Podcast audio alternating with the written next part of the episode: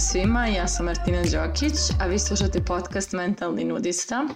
Nalazimo se u epizodi broj 31 i tema ove epizode je život i snova i sve te neke šarene laže koje kruže oko te ideje, odnosno sve te neke iluzije koje ljudi navodno žive, odnosno predstavljaju da žive, a koje ove druge ljude koje osjećaju da ne žive svoj život i snova čine da se osjećaju kao promašeni slučajevi, odnosno kao da su jako mnogo daleko od tog nekog svog ideala. E, inspiraciju za ovu temu sam pronašla u svom ličnom primjeru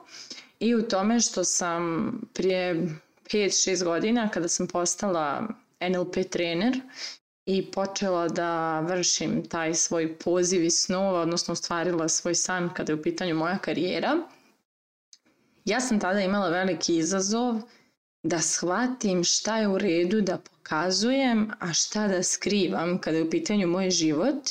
jer je u to vrijeme ta neka ideja ljudi koji predaju, uče o životu, o boljem životu, o ne znam, sve te neke discipline za lični razvoj. E, ideja svih tih ljudi je bila da mora da se prikaže da žive savršen život kako bi jeli, prodavali svoj proizvod i nisu to ljudi naravno radili iz neke loše namjere, nego vjerovatno i svoje ideje da, je tako, ovaj, da su tako stvari najbolje za sve uključene. Uh, Međutim, ja kao neko koji je prilično neposredan i spontan i lako se povezujem s ljudima, sam imala ogroman problem da se ukačim na tu ideju i da napravim tu neku distancu između sebe i ljudi kako bih održala tu neku iluziju svog života i snova. I onda sam polako, ali sigurno počela da otkrivam koji je neki moj autentični pristup tome i da shvatam da život i snova jeste i onaj život u kojem postoje problemi i jeste i onaj život u kojem nije sve savršeno i nije med i mlijeko i da čovjek u isto vrijeme može da živi svoje snove i bude super uspješan u jednom polju, a da opet postoje polja o kojima nema pojma i ne zna šta u njima da radi i osjeća se neuspješnim i to je sasvim normalno i prirodno i to i jeste život. I e, zašto sam osjetila da treba da pričam o ovoj temi? Zato što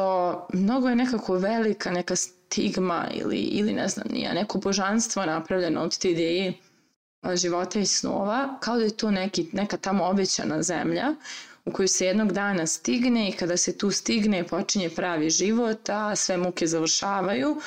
a to zaista, ali zaista nije tačno. Prije svega iz prostog razloga što život na ovoj planeti nije zamišljen kao prava linija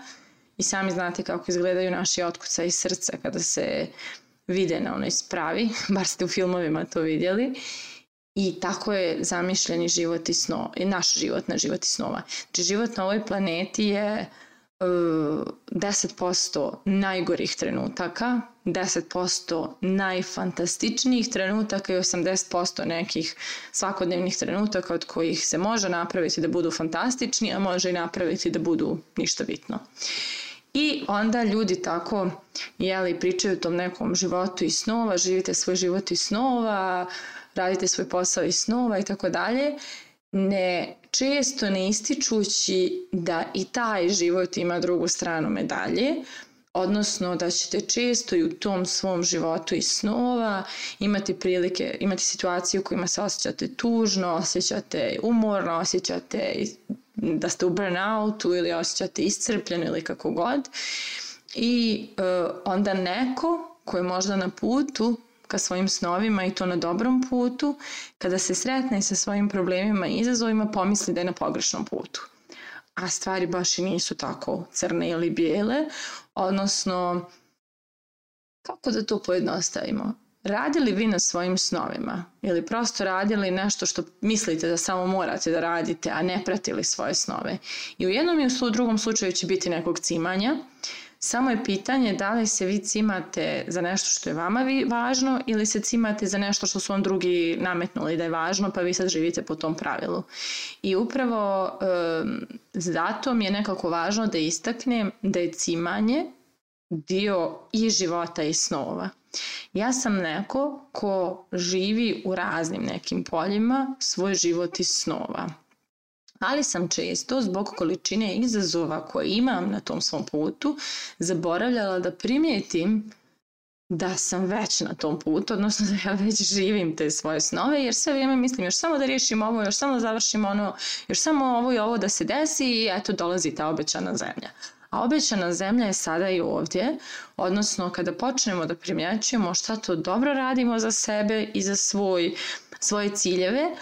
i kada damo neku počast tome i, i shvatimo da, se, da smo na pravom putu, ako ništa drugo, to je već koračanje po tom nekom životu i snova. I evo ja kao neko ko ima prijatelje koje jako volim, znači imam stvarno divne ljude oko sebe i nemam viška ljudi oko sebe, odnosno nemam nikog s kim trpim neki odnos ili pravim se da je neki odnos koji nije i tako dalje imam porodicu napokon sa kojom sam srećna i imam dobar odnos. Imam brata s kojim imam super odnos i na, na taj odnos sam jako ponosna. Imam firmu, to jest dve i u svakoj postoje jeli, neke stvari koje su super i postoje neke stvari s kojima valja da se, da se radi,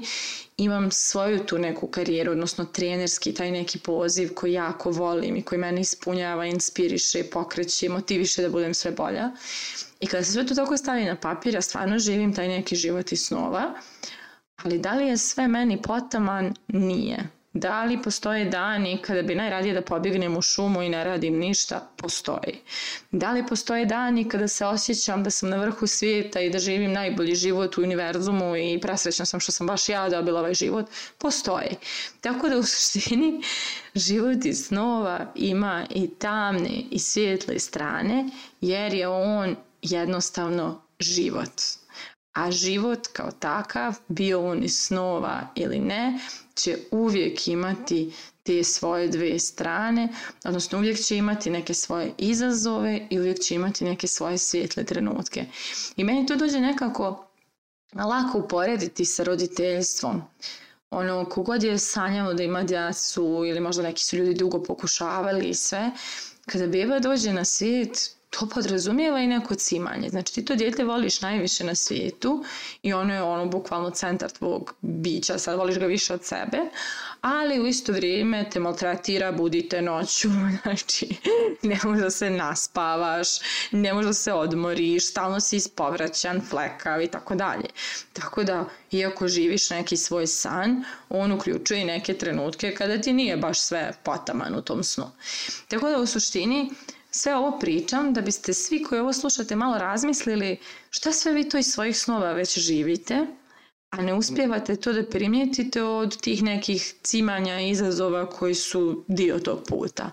Jer znam ja vrlo kako naš mozak i cijelo ovo vrijeme informacija i reklamiranja i photoshopiranja čini da se mi stalno poredimo i stalno fokusiramo na stvari koje nismo još uradili, nismo još postigli, a u suštini mi smo mm, i tekako donijeli gomilu kvalitetnih i odličnih odluka i uradili gomilu važnih stvari za taj svoj život i snova i vjerujem da smo u nekim poljima života jednom nogom svi u tom životu i snova. Neko je sobe, neko je sjedno, neko je tek koraknuo, ali svi mi živimo neki život i snova na nekom od polja. Bilo to prijateljstvo, bilo to porodica, bilo to financije, bilo to posao, bilo to zdravlje, fizički izgled,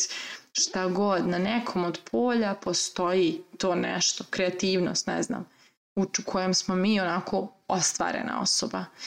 I um, baš zato mi je važno da vas na kraju pitam sljedeće. Da li primjećujete sve što živite, a da pripada životu vaših snova ili vas je šarena laža zbunila pa niste to stigli da primijetite?